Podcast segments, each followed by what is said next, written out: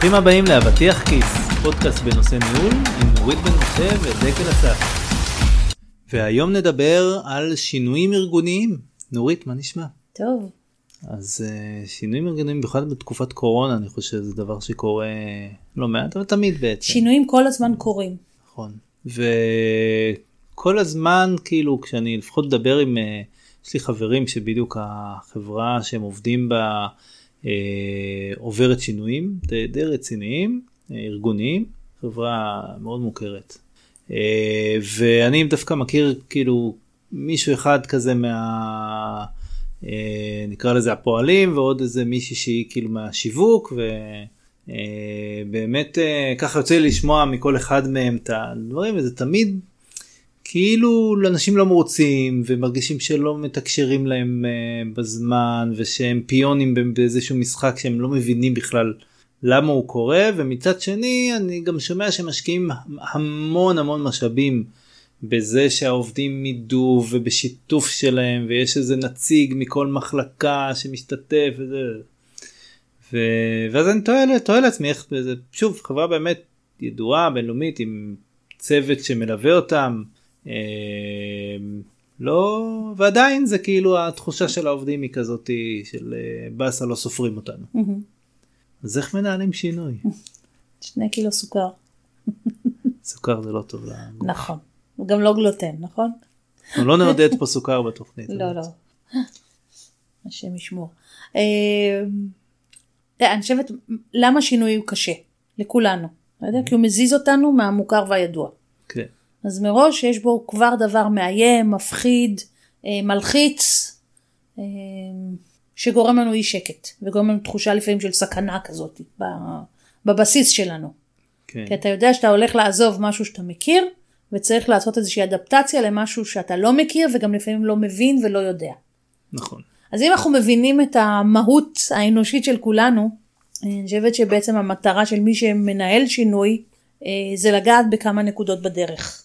אחד, אתה יודע, בשלב התכנון של העניינים, לא בהכרח תמיד משתפים ברמות הלמטה. זאת אומרת, לפעמים מה שקורה זה איזושהי הנהלה, החליטה על כיוון, ואחר כך רק משרשרים למטה את השינוי הזה.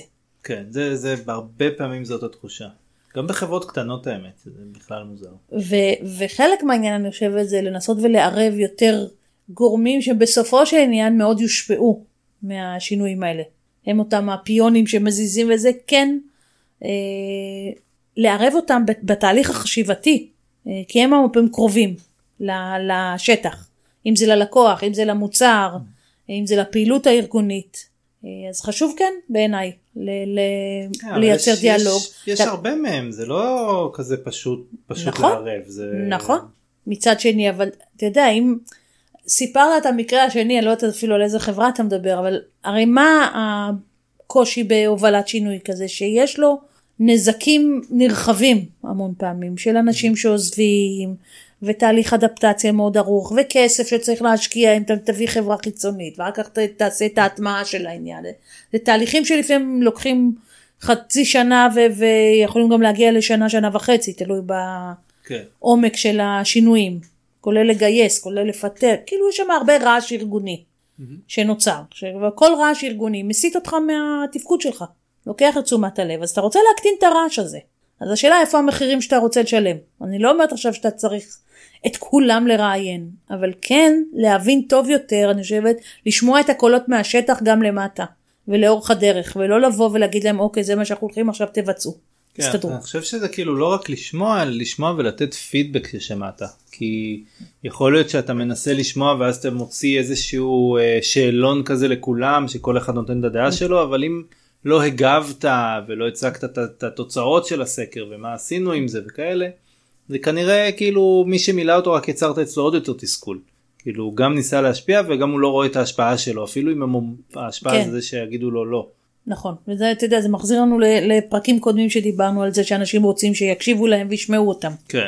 אני חושבת אז, אז לשלב את זה כבר בשלב התכנון זה דבר חשוב.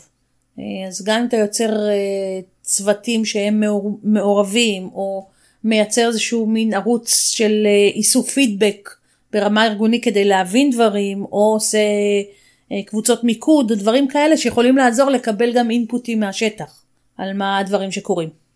אה, זה דבר אחד. עכשיו הדבר השני, once שכאילו החלטת על הכיוון והתקבלה החלטה, נורא חשוב להצליח לתקשר את זה בצורה ברורה, אבל גם להסביר את הלמה שעומד מאחורי זה, אה, מה בכלל הרציונל, והדבר השני זה קצת לדבר על העתיד הזה שאליו הולכים. אם אמרתי קודם שהחוסר ודאות הזה הוא לא טוב למערכת גם של הבן אדם וגם למערכת כמערכת, כארגון, אז אני חושבת שזה המקום הזה שצריך להבין את זה, שצריך ליצור איזושהי vision שיהיה יותר ברור מה, מה המשמעויות של הדברים, כלומר להקטין את העמימות, לנסות ולהסביר דברים, אה, שזה החלק השני שבעיניי הוא חשוב, כלומר התקשור, התקשור הזה שיהיה רחב, שיהיה תמידי.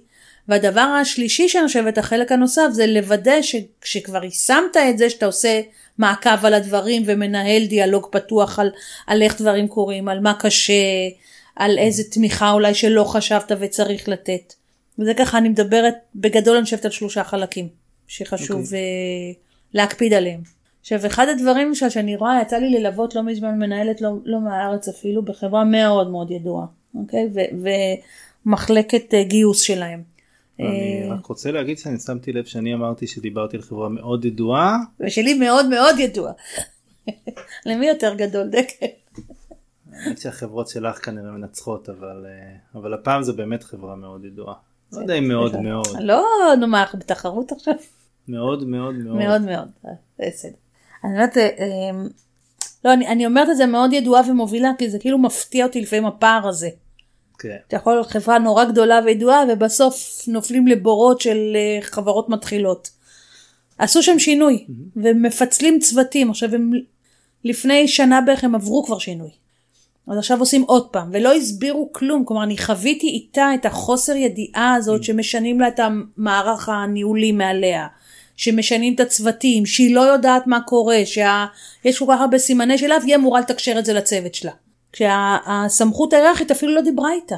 אתה יודע, וראיתי כמה אה, כאוס זה מייצר אצלה כמנהלת, וכמה היא צריכה, כמה קשה היא עובדת כדי לחשוב איך היא מביאה את זה לעובדים. איך היא מתקשרת את זה בלי שהיא בעצמה יודעת. אתה יודע, לפעמים מעמידים את המנהלים באיזה מין מצב כזה בלתי אפשרי שהם אמורים להסביר משהו שהם בעצמם לא מבינים. אני כבר לא מדברת על לא מסכימים, אלא לא מבינים אפילו.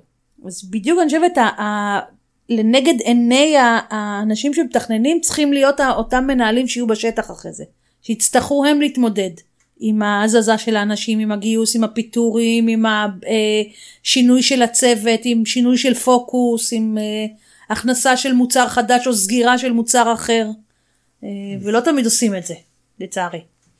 אז באמת אתה חושב שמעניין לשמוע עם איזה דרכים של שיתוף עובדים נתקלת בהם. זאת אומרת, אני, מה שאני מכיר בדרך כלל, זה לא שעושים אספה כזאת גדולה של כל העובדים. לא, זה תמיד עושים את הקיק אוף שמודיעים. בסדר? כן. שבאים ואומרים, אוקיי, עכשיו, הנה, תדעו כולם, זה מה שהולך להיות.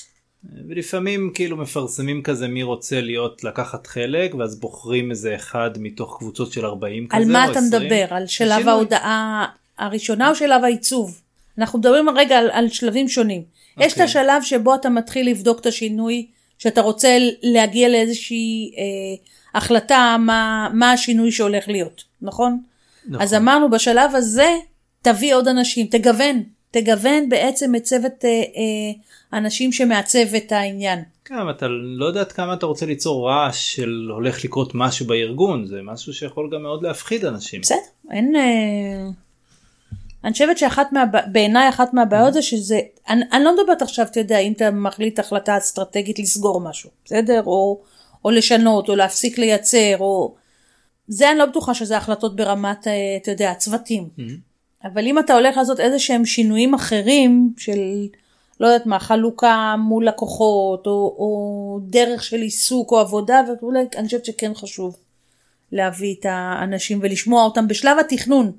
אתה לא חייב את כולם, אתה גם לא יכול אף פעם את כולם, בטח לא בארגונים גדולים, אבל mm-hmm. כן שיהיה לך אינפוט, שזה לא תהיה רק החלטה יבשה וקרה אי שם למעלה.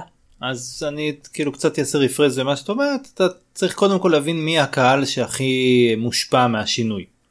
לבוא ואתה רוצה שיהיה כאילו ה- היחס של הסטייק הולדרים יחסית למי שמושפע שזה, שזה יהיה בעצם באמת היחס שמבטא. שישמעו מהם, כן, שישמעו מהם, לתת להם את האפשרות להגיב רגע על איזשהו כיוון.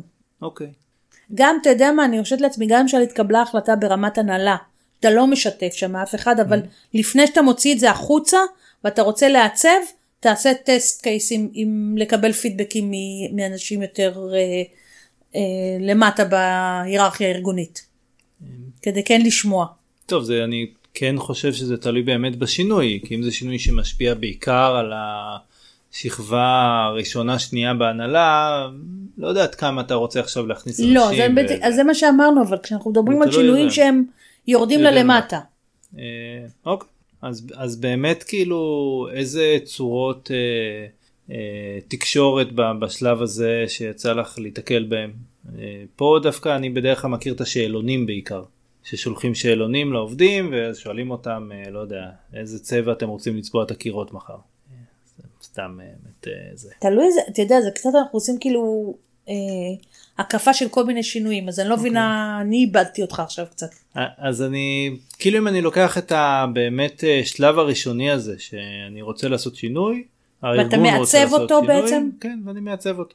אז באמת אני כאילו אני מנסה פרקטית עכשיו אני רוצה באמת לשתף את, ה, את כל השכבות כן זה איזשהו שינוי סתם אני דוגמה באמת אה, לשנות את המבנה של החדרים היה open space חושבים לעבור לחדרים כן שינוי שדי משפיע כן. על ה-day to day של כולם. אמ, ואז אה, בעצם אני רוצה לשתף גם אנשים כאילו ש... אה, כן, מכל השכבות נקרא כן. לזה. ו...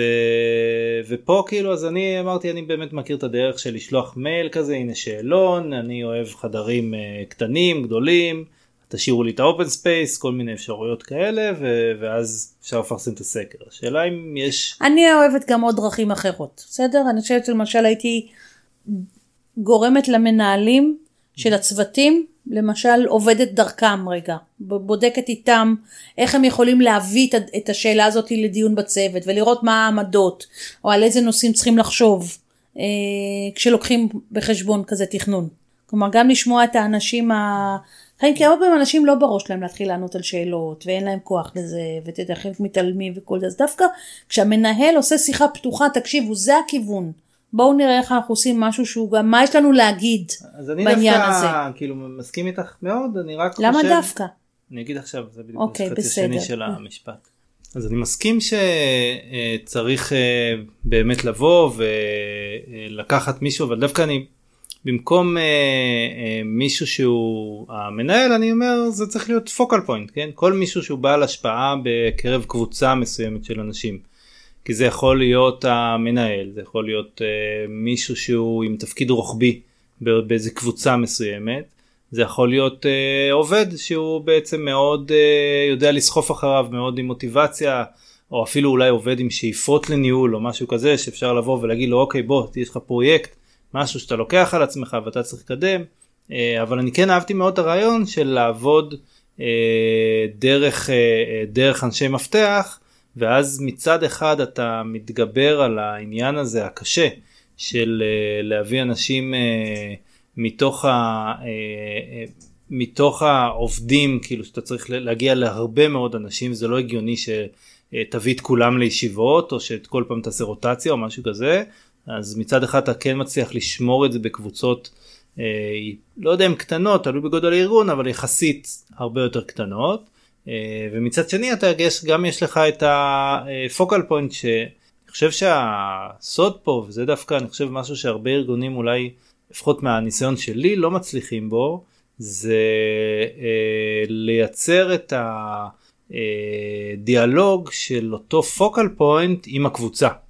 כי הרבה פעמים זה מתחיל כזה מאוד מגניב ומהר מאוד מתמסמס כן. כי אה, לא יודע או שלא עונים לו זה וזה פתאום נהיה תיק עליו ואומר אה, עכשיו אני צריך ללכת ולשאול כל אחד וזה ולא תמיד גם כאילו זה אה, הוא לא נמדד על זה הרבה פעמים דברים כאלה ואז באמת זה נהיה איזה משהו שפחות פחות קורה. בא אבל... להתעסק איתו, אבל אני כן. חושב שאם מוצאים את הדרך באמת לשמור את ה...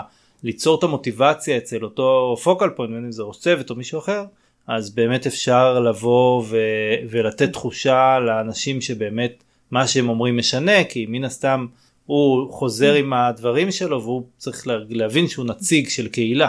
כן. אה, אז אם אנחנו רגע מסכמים את זה, זאת אומרת, אנחנו חושבת שיש בינינו הסכמה דווקא על זה שכשאתה מתכנן שינוי, שהוא בסופו של עניין יפגע או יפגע באנשים למטה, תשמע אותם. תערב אותם בתהליך, שהם יהיו חלק מהעיצוב של הפתרון החדש שמוצע. כן, שאני עדיין אוהב את העניין הזה של להסתכל תמיד מי האנשים שהכי אה, מושפעים מאותו שינוי ולהשתדל שיהיה אני ייצוג. מסכימה. ייצוג הולם אה, או יותר... כן, טוב למי שמושפע הכי הרבה. השלב הבא שאנחנו מדברים, אוקיי, אז כבר התקבלה החלטה שזה הולך להיות. אז אני חושבת מה שהופך להיות קריטי זה התקשור שלו. מהמם. וכמו שאמרתי קודם, אני חושבת שאחד חשוב להסביר את המהות, למה אתה הולך לשינוי הזה, מה הרציונל האמיתי, ולשכנע אנשים בנחיצות של הרציונל הזה. ואז גם להסביר איך זה הולך להיראות. האם יש שלבים עד שמגיעים לפתרון, או האם אנחנו מ-day one, אתה יודע, יש לך תאריך מסוים, עשית שינוי ארגוני, מהראשון למאי הצוותים מסתדרים אחרת, אוקיי? אז כן. אתה צריך להכין את כל הדברים לקראת זה, זאת אומרת, ולעדכן את האנשים שזה התאריך הקובע. אני חושבת שמה שחשוב עוד פעם, זה לקבל מלמטה פידבקים. כלומר, לייצר את זה בתור איזה ערוץ תקשורת פתוח. כי זה השלב שהוא קשה. יש הרבה שאלות ואי הבנות, וכעסים, ואכזבות, ואתה יודע, נטישות. אז חשוב נורא לנהל את זה כמו שצריך. ובין יתר הדברים אני חושבת גם זה לתת אולי כלים לאנשים בשטח שצריכים לעמוד מול אנשי הצוות שלהם ולהסביר. אז לא רק לקחת אותם לאיזה מין, אתה יודע, אה, פרזנטציה יפה שיעברו על הסליידים ויגידו ואחר כך זה יהיה, אלא ממש לפרק את זה. לאיך מתמודדים עם ההתנגדויות אולי שהתעוררו, או, או איזה דברים באים ואומרים אוקיי זה ב parking lot כרגע, כלומר אין לנו כן. תשובה אבל אנחנו שומעים, איך לערב אנשים אולי שונים שקשורים לזה, שגם הם ידברו עם האנשים בשטח. אה, אז אם אתה יודע, כמו שאמרת, אם אנחנו מתחילים, בחלק מהארגונים זה נקרא טאון הול כזה, שאתה מתחיל מהאסמבלי הגדול ו- ולאט לאט אה, מוריד למטה דברים, חשוב כל הזמן, ככל שזה מתקדם, לתת קצת את הנופך המעשי של השינוי הזה. אתה יודע, כשאתה עושה את זה בגדול, אז אתה מדבר, אה, אנחנו נזיז ככה, את, ככה, אנחנו עוברים, לש, כמו שאמרת קודם בדוגמה, מ-open space לחדרים, או מחדרים ל-open space, אז אתה נותן רציונל. ככל שאתה יורד, אתה צריך לתת את ה-how to של הדברים, ואיך זה נראה, ואיך, מה הפתרונות שמציעים, ומי למשל הולך להיות הבן אדם שירכז את זה ויענה על שאלות, או על בעיות אם אה, הם יתעוררו. מי. ה- כן. Customer success שלך בעצם אה, בעניין הזה. אה, כן, כאילו ממש לנהל את זה כמו שאתה מנהל כל אופרציה. לגמרי. כן, בארגון. כמו לקוחות שאתה מנהל, כן.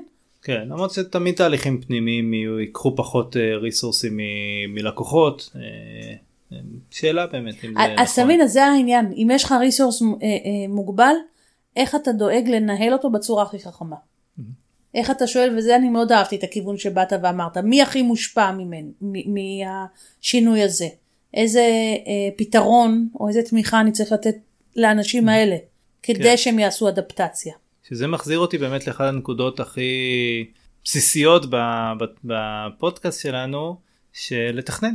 כן, לגמרי. לתכנן, לבוא אני חושבת ולהגיד שארגונים אוקיי. מתכנן, בחלק מה... אתה יודע מה, אני חוזרת בי. יש ארגונים שמאוד מתכננים, שאתה שומע את זה, אני חושב שהתכנון ברוב המקרים הוא, הוא לא, לא על, הש... לא, לא, על... לא על... מתודי. זה, זה, לא על אני- השינוי עצמו, אלא על התכנון של התקשור שלו, ועל ה...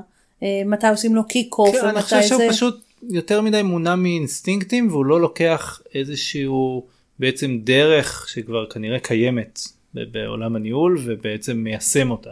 כן, זה כזה אוקיי מה אנחנו צריכים בוא נחשוב טוב זה זה זה זה זה ולאו דווקא אומרים אוקיי איך אני מנהל שינוי איך אני עושה את זה נכון איך כאילו מה הדברים שאני מה צריך יפריע לכסות. לאנשים שאני צריך כן. להתמודד איתם. אה, ו- ועוד דבר שמהצד השני שכן הזכרתי לא מתודי אז מהצד השני יש את המחלה של לקחת מתודולוגיה ולהלביש אותה בלי לחשוב על הערכים שלה. כן. לדוגמה להגיד אוקיי אני אקח ויהיה פוקל פוינט והוא זה אבל לא לדאוג שהוא באמת ידבר עם אנשים.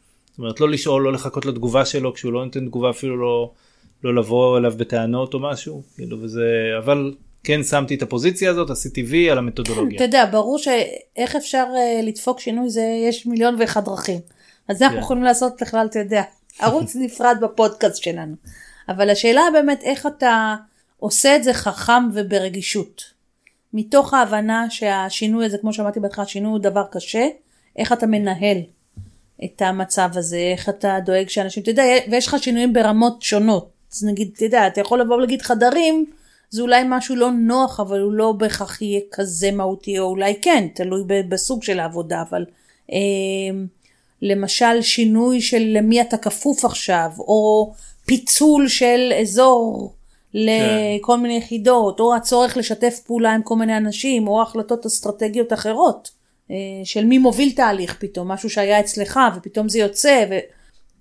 יש לזה המון המון השלכות, ואת זה אני חושבת צריך להביא בחשבון ו- ולנהל יותר חכם אה, ממה שעושים לפעמים. כן, אה, מסכים לגמרי. אז באמת דיברנו פה על הנושא של שינוי שתמיד הוא דבר אה, אה, שכואב, לה- שקשה לאנשים, מזיזים אותם קצת מהקומפורט זון שלהם, למרות שאני תמיד נוטה לחשוב שכשמזיזים אותי מהקומפורט זון אז אני צומח כאילו, אז כאילו משהו בדרך כלל משהו טוב בס- כל למרות שבשינוי, בשינוי זה לא בהכרח. זהו, זה לא וגם, בהכרח. אתה יודע, כשאני מדברת על זה, זה, זה בדיוק איך המערכת שלנו במוח בנויה. אנחנו, ש... אנחנו אנשי הרגלים, נכון, וכל תזוזה מזה עושה לנו אי שקט. אז לפעמים זה אי שקט קטן, לפעמים זה אי שקט גדול. כן. ושינוי ב- ב- במהות של הדברים בארגון יוצר, יכול ליצור אי שקט מאוד מאוד גדול עד כדי עזיבה של אנשים. נכון, ובגלל זה באמת דיברנו על זה שחשוב למצוא, להבין, לעשות מיפוי של הסטייק הולדרים ומי הכי מושפע מאותו שינוי, לדאוג שיהיה ייצוג ושישמעו את כן, ממש האנשים. לנהל סיכון, אתה יודע, לניהול סיכונים, כן. כמו שאתה עושה את זה מול אה, כל החלטה עסקית אחרת שאתה מקבל בארגון. נכון, ואז למצוא באמת focal points בתוך אותן אוכלוסיות שמצאנו כ- כמושפעות הכי הרבה ולדאוג ולראות גם ולעשות בקרה על זה שהם באמת מדברים עם אנשים, שזה מתוקשר, שהדברים שהם מעלים באמת מקבלים מענה. אתה יודע, זה ב- בתור מאמנת של מנהלים, אז למשל אני הייתי אה, מציעה לארגונים לבדוק איזה מיומנויות אולי דרושות במיוחד עכשיו. וזה מתחבר למה שאתה אומר, למשל יכולת של הקשבה, יכולת של טיפול בהתנגדויות, אה, יכולת של תקשורת פתוחה, של בניית אמון, של אה, יצירה של חזון, כל מיני דברים שאתה צריך שהמנהלים שלך ידעו לעשות. כן. אז למשל זה גם חשיבה שצריכה להיות אם אתה מתכנן לקראת שינוי, איך אתה מצייד את המנהלים שלך בכלים האלה או בליווי. שזה זה- קצת כאילו אני אומר אם כבר תכננתם לעשות איזושהי סדנה או איזושהי הכשרה אז כדאי שזה לזה. יהיה קצת לפני כן. אותו תהליך של שינוי כי זה כנראה יעזור איזשהו רפרשר כזה. כן, אני רואה למשל, אתה יודע, נגיד למנהלים לפעמים, או בכלל לאנשים, תהליכי שינוי יכולים מאוד מאוד להציף את הנושא של חוסן. איך אתה מצליח להתמודד עם המציאות הזאת בצורה יותר אה, אה, פרואקטיבית, בצורה יותר רגועה. זה ממש, אני חושבת שיש סט של מיומנויות שצריך לתת. בטח ובטח, אתה יודע, כשאתה נותן למשל אימון לאנשים בשלב הזה, הוא מאוד מאוד עוזר. כן. כי יש הרבה עדים, אתה יודע, הרבה לחץ במערכת. אה, כן אה, לגמרי מתחבר. אז באמת כאילו אחרי שאנחנו לוקחים את אותם פוקל פוינט אז באמת הנושא של התקשורת תוך כדי השינוי אה, תמיד להסביר זה מה שהחלטנו זה מה שאנחנו הולכים לעשות זה הזמנים שזה הולך לעשות זה מה שזה אומר לגביך או, או לגבייך או לגבי קבוצות מסוימות. כן, זה, לל... אתה יודע, זה ללכת ולגזור את זה.